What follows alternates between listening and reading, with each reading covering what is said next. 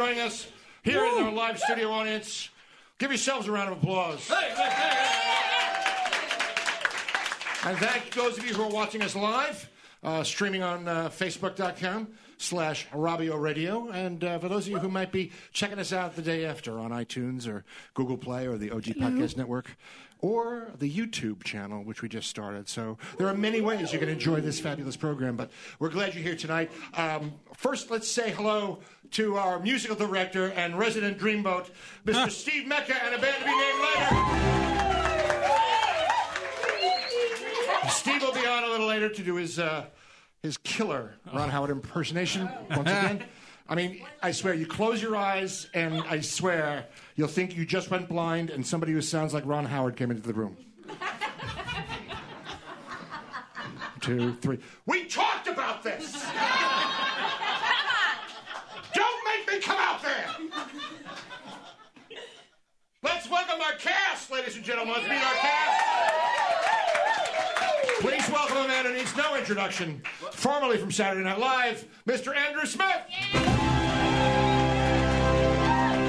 New York theater actress, writer, producer, and star of the short film The Weight of a Feather, Ms. Whitney Johnson. From the national tours of the chorus line, Guys and Dolls and White Christmas, the woman with the pelvic floor of steel, Alyssa Alter. You know, Alyssa, I, uh, I just had my pelvic floor rejuvenated. Yes, yes, I, I put down linoleum. Award-winning comedic actress, musical theater veteran, star of Next to Normal and the 25th annual Putnam County Spelling Bee, Band-Aid spokesperson, Ms. Mandy Lee Penny. Direct from the national tour of Phantom of the Opera, where he flies in every Monday to do the show. He came in from Salt Lake City. I kid you not. Flew in on the red eye this morning at 6 a.m. He is on the national tour of Phantom of the Opera, uh, starring in the role of the wind-up cymbal-playing monkey, uh, Mr. Constantine Papas. And of course, last but certainly not least, our resident Renaissance woman and spiritual leader, actress, writer, singer, dancer, cookie and puppy enthusiast, the one, the only, except no substitutes, Miss Megan Samart. We got a great show for you tonight. We're very, very excited. It's a very special night because we have a very special guest star. He's the star of WABC's Bernie and Sid in the Morning Show. Please welcome Sid Rosenberg.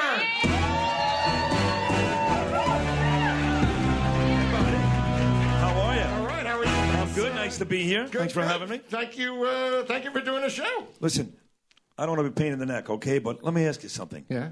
That dressing room we were in before the Saw Tonight show, is that the same dressing room you go take all the guest stars to? Well, no, actually, Sid, you're you're the first. I, I kind of figured that because the place is a whole. I'm I'm sorry. I mean, it's not very comfortable. The the couch is understuffed. The lighting is harsh.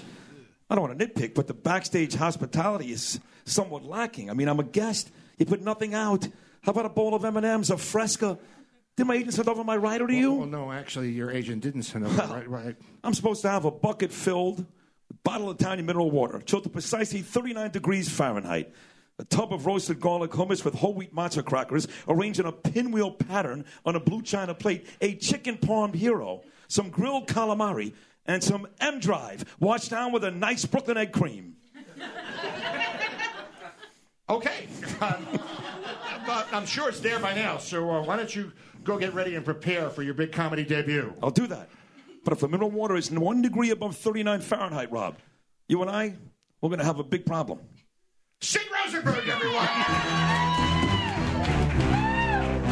Sid will be back later on the show. Uh, he is starring in our headline segment this evening, which is a parody of E ESPN's 3030. So stick around for that, because it's a really funny, funny show. Oh, someone's at the door. Who could it be? Hello, everyone. It's Yoko! Yoko Ono, everyone! Hello, hello. Yes, it's me in person once again. I like to stop by unannounced sometimes. yeah, so we've noticed. well, you're always welcome here, Yoko. It's an honor to have you here. I know. I just wanted to drop by and tell you, oh, I have just recorded a new single. It's the theme song to your program. Get out of here. Really? Get out of here. Believe me. No, I mean, get out of here, lady. You creep me out. Whitney Ixnay on the 8 of the Okoye. She was married to an Edel Bay. Can you sing a little bit for us, Yoko? Oh, of course. Thank you for asking me, Lisa.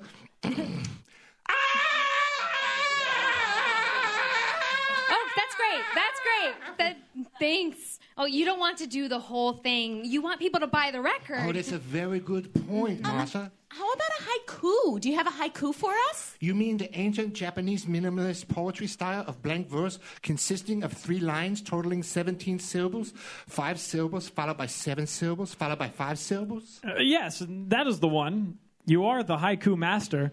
Wish I could do it. Well, you just did. Count 'em up, Conway. Oh, wow, I guess I did. Please do one for us, Yoko. okay, if you insist. This is one about the motivation behind the choices we make as human beings. What drives us, what makes us do what we do. The primal instinct that moves us forward in the universe. You know, all the existential crap. This haiku poem answers the timeless question of why. What's it called? Why? What? Well, I just want to know. Well, no, that's the title of the poem. Why? Oh. Third base. I love Rob Bartlett, but I'm only here tonight for Sid Rosenberg. Mm. Yoko, that's genius. Yoko Ono, everybody! Yeah. See me, everybody! Ah! See, see, now what do I say? What do I say every week? That's precision. That's craft. That's, like a, A master class. Well, it's funny you should say that because I was just about to say that, Alyssa. You know, those are very big now. Online masterclasses. There's a whole series of them that you can take from people who are masters in their respective fields. Like Gordon Ramsay teaches cooking, David Mamet teaches playwriting, Steve Martin teaches stand up comedy, and Ron Howard teaches directing. Hi, I'm Ron Howard. You might know me as the Academy Award winning director of such films as Splash, Parenthood, and Apollo 13. Meet your new instructor. I'm always driven by story, like it's the chauffeur of my limo. It drives me through the movie. Ron Howard, Oscar winning director of A Beautiful Mind and The Da Vinci Code, brings you his first ever online class. We all understand stories. It makes us believe we can all direct. But here's the thing you can't. But I can. Ron Howard shares his nearly 60 years of experience in Hollywood with you and a once in a lifetime online opportunity to take a master class from the master. We all have our own instincts. It's just that yours are all wrong. Ron Howard gives you step by step instruction on how to film a scene, how to light it, how to shoot it, how to edit it, and how to make money off it. Lots of money off it. If I learned anything in my years in Hollywood, It's that you can't just shoot a movie without actors because without actors you have wor- you just have words on a page, which is not a movie. That's called a book. Go on set with Ron Howard as he directs a scene and shows you how he works with actors. And action. Spencer, why didn't you tell me you were thinking of leaving?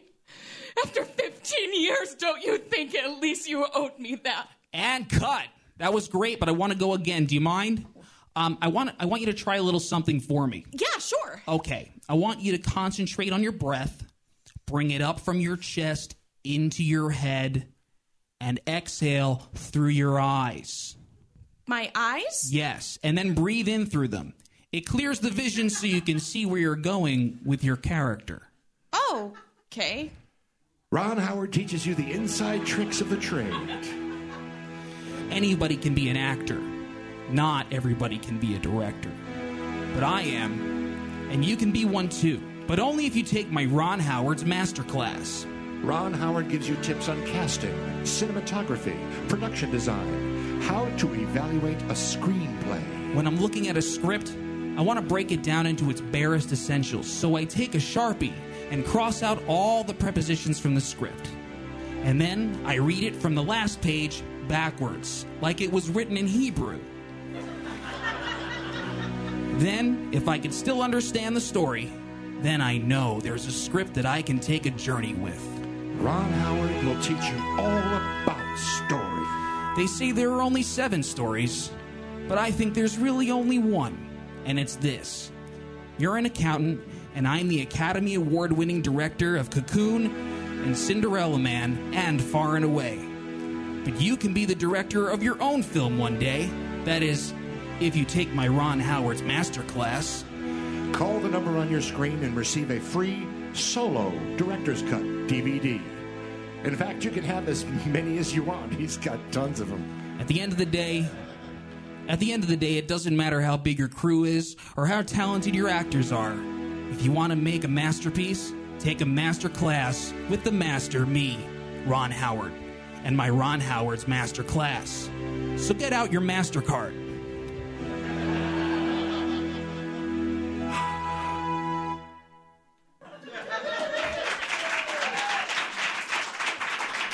Um, I have to read a disclaimer here. Not an accredited educational institution or affiliated with the University of Phoenix. Uh, master class enrollment does not guarantee professional employment in the associated field.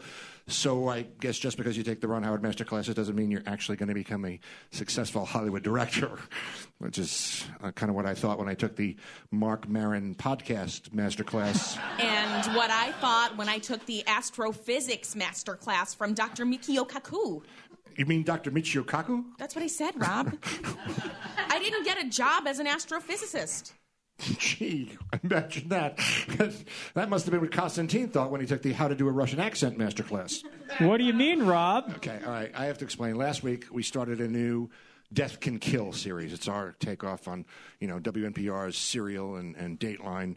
Uh, it's following a serial murder uh, at an Elvis impersonator convention in Vegas, and Constantine is playing a Russian Elvis impersonator, and he didn't do quite as good a Russian accent as, oh, let's say Yakov Smirnoff. Um, in America, you watch Big Brother. In Soviet Russia, Big Brother watch you. Yakov Smirnoff. I laughed until I stopped. and I'm not a laugher. Um, anyway, Constantine's had a week to practice, so hopefully this week it will be brilliant. So here is episode two of Death Can Kill Deader Than Elvis. Last week, we learned that no less than four Elvis impersonators had suddenly been murdered at a Las Vegas Elvis impersonator convention. Definitely not a good sign for this jumpsuit summit. The police had no suspects, and the few witnesses who had come forward could only describe a person who possibly resembled Elvis. Not a lot of help at a convention of 500 lookalikes. Las Vegas police detective Bobby T. Higgins. I guess you could say we had nothing shaken. The last dead Elvis was found wearing a pair of blue suede shoes that had belonged to Elvis, a female impersonator. Sorry, I mean a female Elvis impersonator. There's a difference, I guess, but I still don't see it. It really creeped me out. And you got to understand, I spend most of my adult life dressed like a fat dead guy in a jumpsuit, so it takes a lot to creep me out. But whoever had killed that nice Vegas Elvis had been in my room and abused my blue suede shoes. I don't want to say how. Let me just put it this way he did more than just step on them. Know what I'm saying? But Vegas Elvis doesn't even wear blue suede shoes. He wears white leather boots. So I thought maybe the real murderer wasn't an Elvis impersonator after all. Maybe it was somebody normal. If you can call somebody who kills Elvis impersonators normal. With no new leads in the case, Detective Higgins was desperate. She was grasping at straws, sort of like Elvis looked like when he did those phony karate moves on stage. Only thinner. I called for a lineup, but it proved nothing. Even I couldn't tell the difference. But one of those clowns was a killer. And I wasn't talking about a Jerry Lee Lewis impersonator either, or even a Jerry Lewis Lee Lewis impersonator. Goodness gracious, great balls of fire! Lady! There was definitely a serial murderer loose in Vegas, and impersonators were dropping like those cheap scarves Elvis used to give away after wiping his sweat on them. I never got that. Gross. The convention was extended in order to keep all the impersonators in town. No Elvises had left the building, but that only seemed to encourage the killer. When you come across a dead body in this business, your first instinct is to say, this person is dead.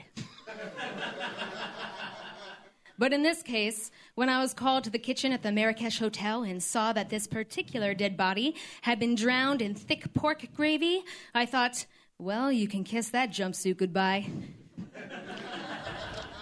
then I thought, what special kind of idiot dresses up like Elvis when there's a serial killer out there looking to kill anything in a jumpsuit and sideburns? Why not switch to Michael Jackson?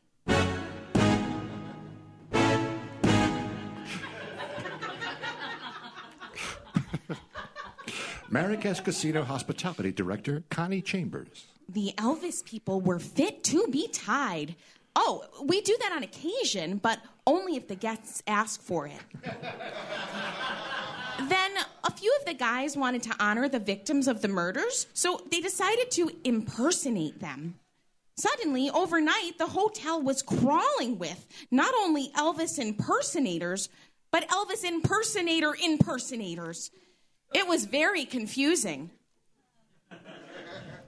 I was in my hotel room that morning practicing my guitar and my lip curl. And then I got hungry, so I ordered room service.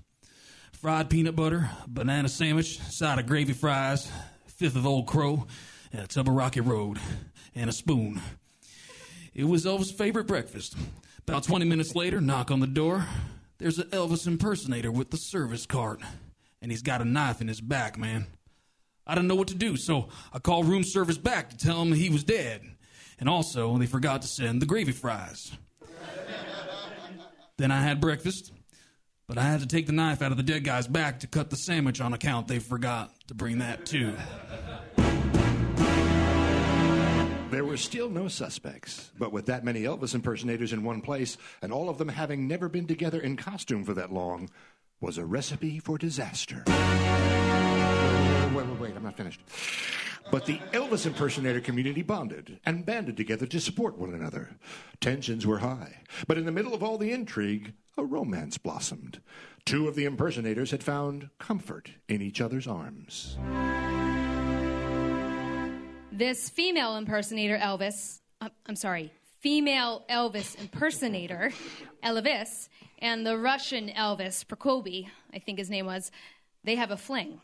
Okay, live and be well is what I say. It's none of my business. But isn't that like Elvis kissing himself? That's kind of kinky, isn't it? He did a lot of kinky stuff, but I don't think he ever did that. I am loving my Elvis. She exactly like Russian nesting doll. Woman inside Elvis, inside woman inside Elvis. Uh, she make me feel like king, or even better, Russian oligarch. Uh, we go back to my room to make love, uh, but I smell smoke. Uh, it coming from next room where staying oldest impersonator Elvis Pelvis. Uh, he do impersonation even while Elvis alive. Uh, right around time Elvis makes spin-out movie. I rush into hallway. I heard Pelvis screaming inside. I ran out into the hall to see what was going on. A man in a cowboy hat rushes past me, headed for the elevator. He's got a blowtorch in his hand. I tried to go into uh, Pelvis' room, but there's too much smoke. I grab Ella and we run downstairs to the hotel lobby. A big mistake. Should have put on clothes first. Uh, uh, no place to put wallet. There were now even more burning questions. Sorry, bad pun. But who stabbed the room service attendant in the back? And why? Was it because he forgot to bring the gravy fries along with the sandwich? And who was this mysterious cowboy who ran from the scene of the fatal fire that killed Elvis Pelvis? Could he be the murderer? Or just an itinerant welder? Tune in next time to find out the identity of the Elvis impersonator serial killer when we hear Detective Higgins say, What if the real Elvis is still alive? He'd be 83 years old. I wonder if he'd still be fat. On the next Napkin Hill, Deader Than Elvis. Wow. Wow, the plot thickens. Story just keeps getting better and better. Unlike Constantine's Russian accent. Uh, can't wait for next week's episode to see if that gets any better. Um, I- I'm kidding. I'm, I'm kidding. Uh, Constantine's a great asset to our little comedy troupe because, in addition to being a musical theater actor, he is classically trained as an opera singer. It's just a good thing there aren't any Russian operas. I want to give a little bit of a, a teaser for next week. Next week, our very special guest will be from the British invasion. Billy J. Kramer will be here with us next week. He's uh, he's going to do uh, a, a new song and uh, also one of his old hits that was written by Lennon and McCartney. So he'll be here with us, and he's going to do a sketch with us as well. Uh, we also uh, will have uh, Mandy Lee Pantyhose Thompson making a return. She'll be she'll be showing you all things that you can do with band-aids. Um, let's put it to you this way: they're not just for pasties anymore. And if you're looking to find us, if you want to like tell people to check us out, and, and you should be doing that, because let's face it, it doesn't cost anything. We're doing this for free. The least you could do is spread the word. So tell people to either watch us live on Facebook.com slash Robbio Radio, or you can download or, or listen to us on iTunes, the OG Podcast Network, Google Play, and we're also up on YouTube. So, and check out our Twitter handle. And we have an Instagram too, Megan. We? What's the Instagram? At Rob Bartlett Comedy Hour. See, that's why she's the Renaissance woman.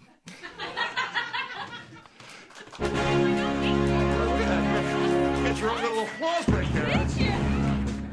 Um, we'd like to welcome a new sponsor to the Radio Hour with uh, our own celebrity endorser. It's for Mutual United American Continental Lincoln Penn Burial Insurance. Hi, I'm Nicolas Cage, and I have an important message about final expense life insurance. It's not easy to talk about planning for one's own funeral, but did you know that burial costs in this country can be upwards of $35,000 or more? It's an outrage. My dad had it all planned. There was only one thing he didn't plan he didn't plan on dying. So when he died, every dollar of his estate went toward his funeral costs. Nothing left for me. Well, there goes my BMW that I had my eye on. I was my dear Aunt Josephine's only heir. And after she was killed when she accidentally drove her little rascal scooter into a dairy truck, she was lactose intolerant. I couldn't believe what the lawyer told me. He said she didn't make her burial arrangements ahead of time. So I wound up with nothing, not even enough for a scratch off. After mom finally died, I felt really bad. I should have seen her more. I kept meaning to, but you know, the day would just slip away from me. I'd have a luncheon with the girls, or I had to return something at the mall. And then the three mile drive over to see her just became impossible. But when she died, I was devastated. I thought she was going to leave me something. But after the funeral home and the flowers and the cemetery plot purchase, there was nothing left for me. I needed to go to Cabo to grieve. But there was nothing left. If you're between the ages of 50 and 90 and are still physically capable of signing your name or a reasonable, legally acceptable replica of something that represents your name, you qualify for a whole life insurance policy, even if you have a pre existing condition like diabetes or high blood pressure or syphilis, like me. It's easy to get coverage. You can be approved with just one phone call. They didn't care that I had diabetes or that Stanley had high blood pressure. You can be approved with just one phone call, even if you have hepatitis C, like me. My wife and I had talked about not wanting to saddle our children with the burden of having to take care of our final arrangements. We thought, we've lived our lives. Why, we don't want our kids not to enjoy theirs. But when we read the policy, it said we could use the money for any purpose. So we said, screw them. We cashed it in, and now we're going on our second honeymoon. They can bury us in a coffee can for all we care. We'll be dead. Mutual United American Continental Lincoln Penn Burial Insurance. Call the number on your screen right now for a free quote and receive this travel walker as our gift. We're going to Cabo. But what about me? Oh, suck it, sweetie. Not the bees. Not the bees. Not the bees. Not the bees. They're in my eyes. Not the bees. It's from Wicker Man. The, it's the Nicolas Cage movie. They put it like a thing on his head and they put bees in it and then they sting his eyes. what did I say before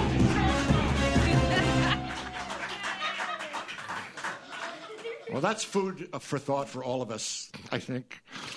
Because, you know, there's only one thing that commercial needed a Russian accent. Oh, come on, Rob.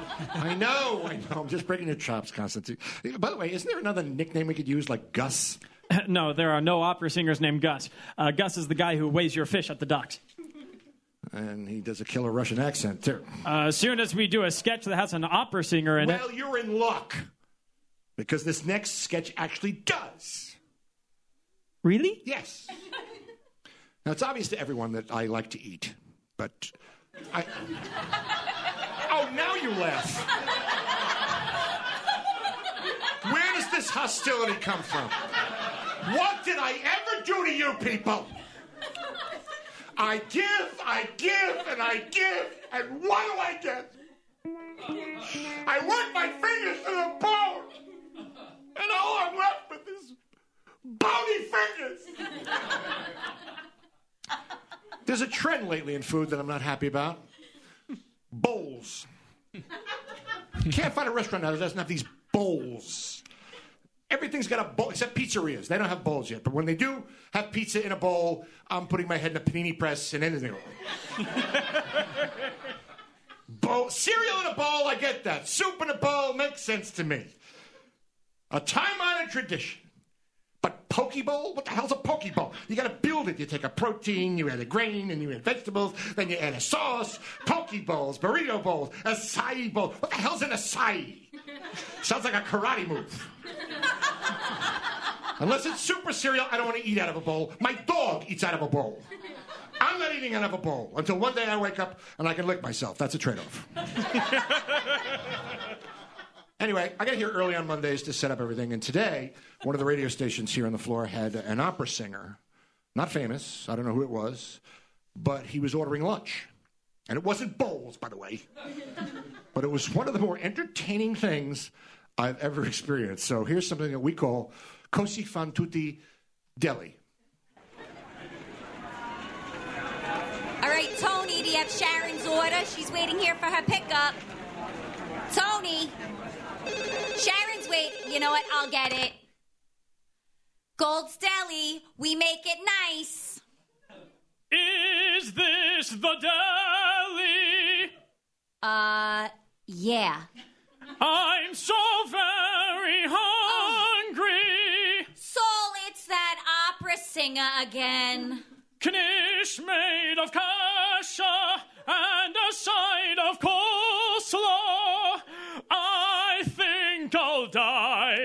if I can't get a corned beef on rye. Got it. So I want bologna, some pepperoni, German salami, hot pastrami, brisket, well done, and sandwich of tongue. I'm one hungry fella. I want mortadella. Anything else? liverwurst.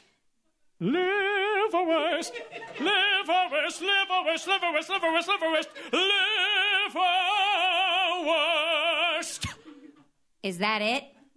Two kilogram Virginia ham would be amiss if you didn't have Swiss. Limburger cheese brings me to my knees. What might be better is very sharp cheddar.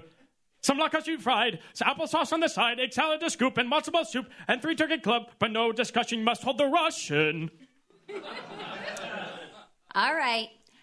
Now let me make sure that I got this over.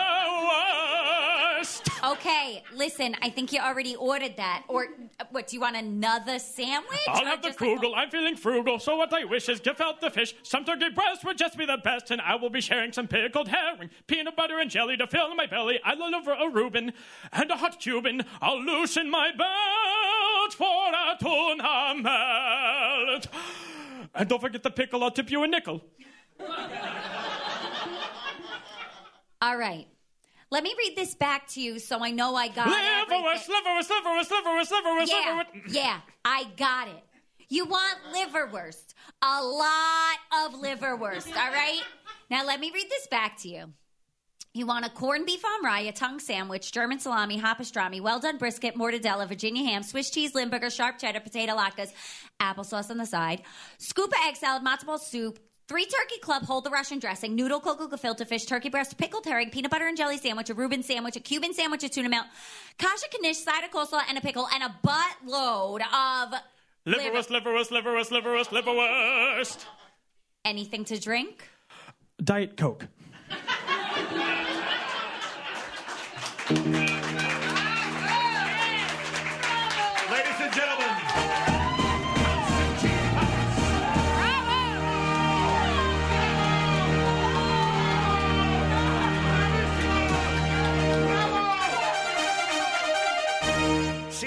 be fat to sing opera,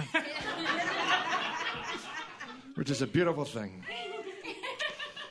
Although I'm starting to think it was a mistake to get talented people to be part of this ensemble because it's becoming less and less about me. Um, it's called the Rob Bartlett Radio Comedy Hour, but you know, all of a sudden, it's like everybody else is doing better voices than me. It just, what's wrong with this picture? I went to the movies this past weekend and I saw that new movie with The Rock, Skyscraper. Was great. It's very exciting. It's like Die Hard in a building.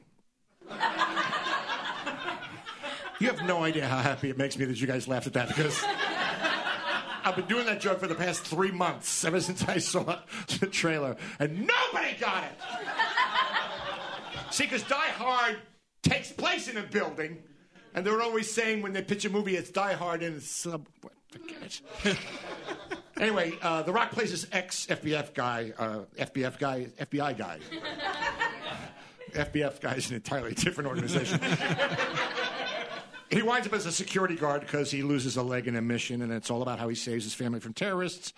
And he's only got one leg, which is very inspiring, you know, to see someone like that rise up against adversity to become a hero. That happens every once in a while in sports. Jim Abbott, perfect example, major, major league pitcher, born without a right hand. Played for the Yankees, pitched a no hitter against Cleveland. Amazing. But he wasn't the first. And uh, matter of fact, there's a new ESPN 30 for 30 documentary out now about a minor league baseball player who also triumphed despite a physical challenge, peg leg Stan Canfield. And to uh, help us tell that story, making his sketch comedy debut with us this evening, please welcome once again Mr. Sid Rosenberg.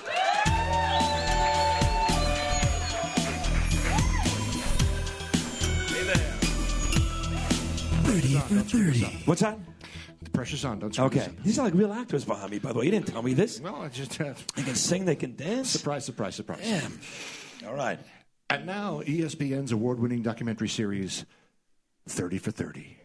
One August Sunday in 1938, my daddy took me down to Theodore Bilbo Stadium to see Stan Canfield play. It's the first time I'd ever seen the Caledonia salmon flies.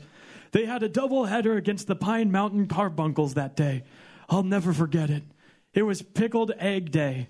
Everybody at the ballpark got a jar of pickled eggs. Stan went four for five in the first game, nine for seven in the second, including a play in the eighth inning when he slid into first on a stand up double. I'd never seen anything like it. It wasn't until we were on the bus back home that Daddy told me Stan had a wooden leg.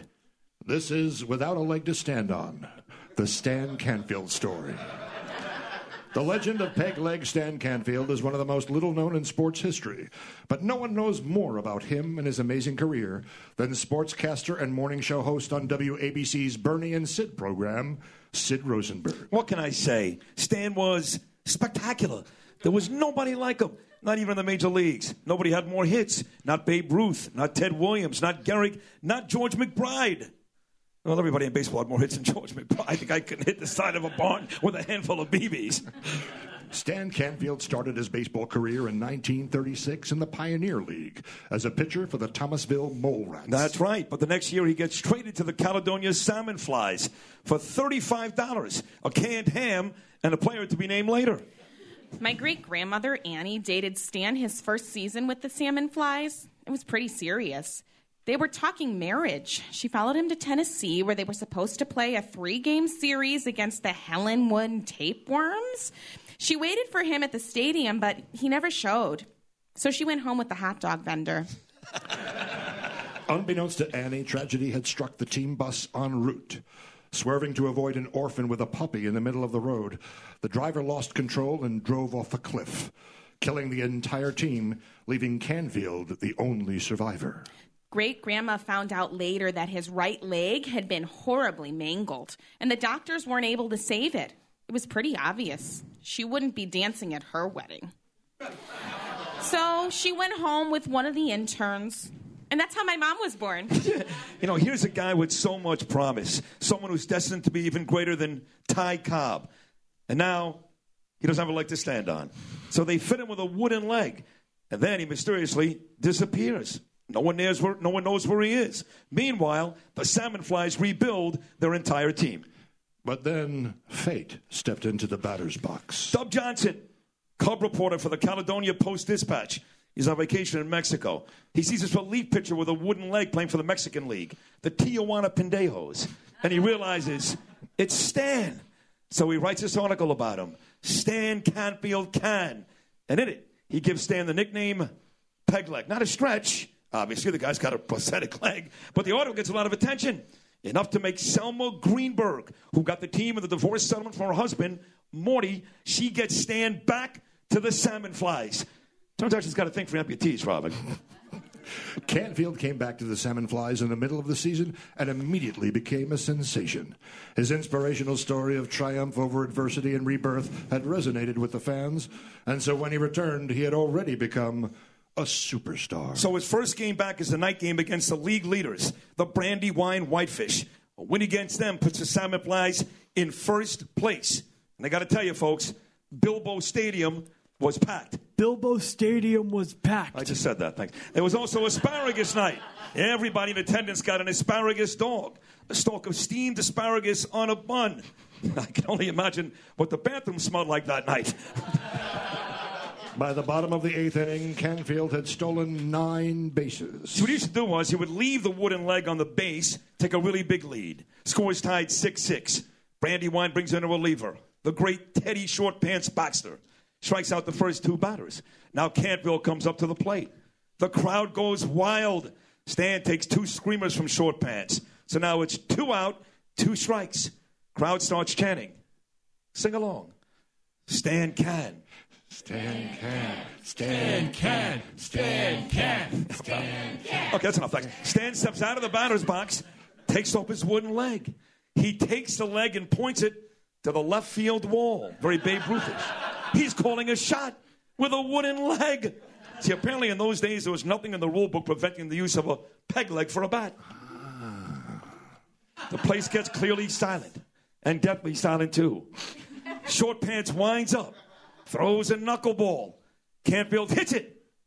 You know, folks, it's still in the air today. 80 days later, probably halfway to Mars by now. He hops around the bases on one leg. Salmon Flies win the game 7 6, and they take over first place. The Salmon Flies wound up winning the championship that year thanks to an amazing season from Canfield. Word soon spread the Yankees were going to sign him and bring him up to the majors. But during the offseason, tragedy strikes. Uh, it's terrible tragedy. Stan comes down with the dreaded pine tar poisoning. He used to smear it on his, on his stump to keep his wooden leg attached. You know how that goes. And he dies two days before Yankee spring training. Since then, fatal pine tar poisoning is known as Stan Canfield's disease. He even got a medical condition like, uh, like Lou Gehrig. How about that? On the next 30 for 30, the story of Mickey Deadeye Johnson, the man who holds the record for being hit by the most pitches in baseball history. Spectacular. And this was way before, in the days before they wore helmets. Ladies and gentlemen, Mr. Sid Rosenberg. Thank you. Thank you. Thank you. I think you have a second career here, buddy. Yeah, sit, relax, enjoy the rest of the show. Okay, I'll see you. Bye. Uh, yeah. We're going to bring you back later for a bow, but now just get off. Rosenberg! You can catch Sid every weekday morning from 6 to 10 a.m. on the Bernie and Sid in the Morning Show with his co host, Bernard McGuirk, the great Bernie McGuirk, on 77 ABC Radio. And the podcast, they have their own podcast too on the OG Podcast Network, uh, along with our very fine program. And you can catch me at Catch a Rising Star in Forked River, New Jersey. Yes. I'm back on the comedy club circuit. I'll be at Catch a Rising Star in Fork River on Thursday, August 2nd. For tickets, go to catcharisingstar.com. First gig back since, well, you know.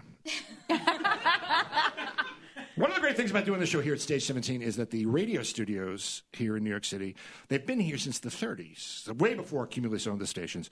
The golden age of radio. Back then, they were owned by the Triode Broadcasting Company. This building was known as Radio Town. But then NBC came along and was much bigger, and they called themselves Radio City, and Triode was sold, and now 80 years later, Cumulus owns them.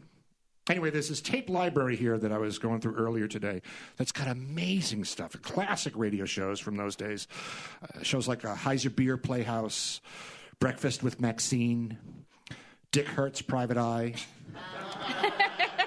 the Paper Street Soap Star Theater, and the American Dog Biscuit Radio Variety Hour starring the Carlisle sisters Mary, Betty, Shirley, and Bertha.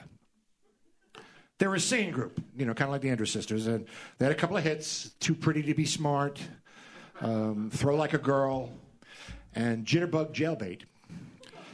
They had a short-lived movie career during World War II. One of the movies, Foxhole Serenade, uh, featured their biggest hit, "Keep Your Hands Off the Merchandise," which was about this woman who worked at Woolworths and had a problem with her boss.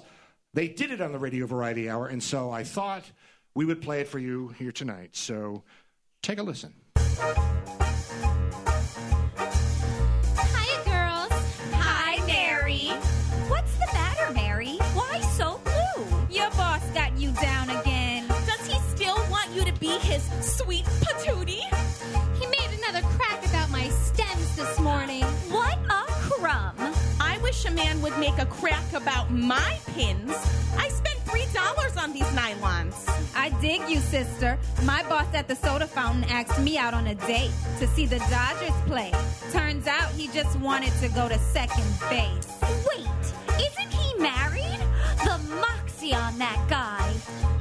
My boss is married too. Oh well, what's a girl to do?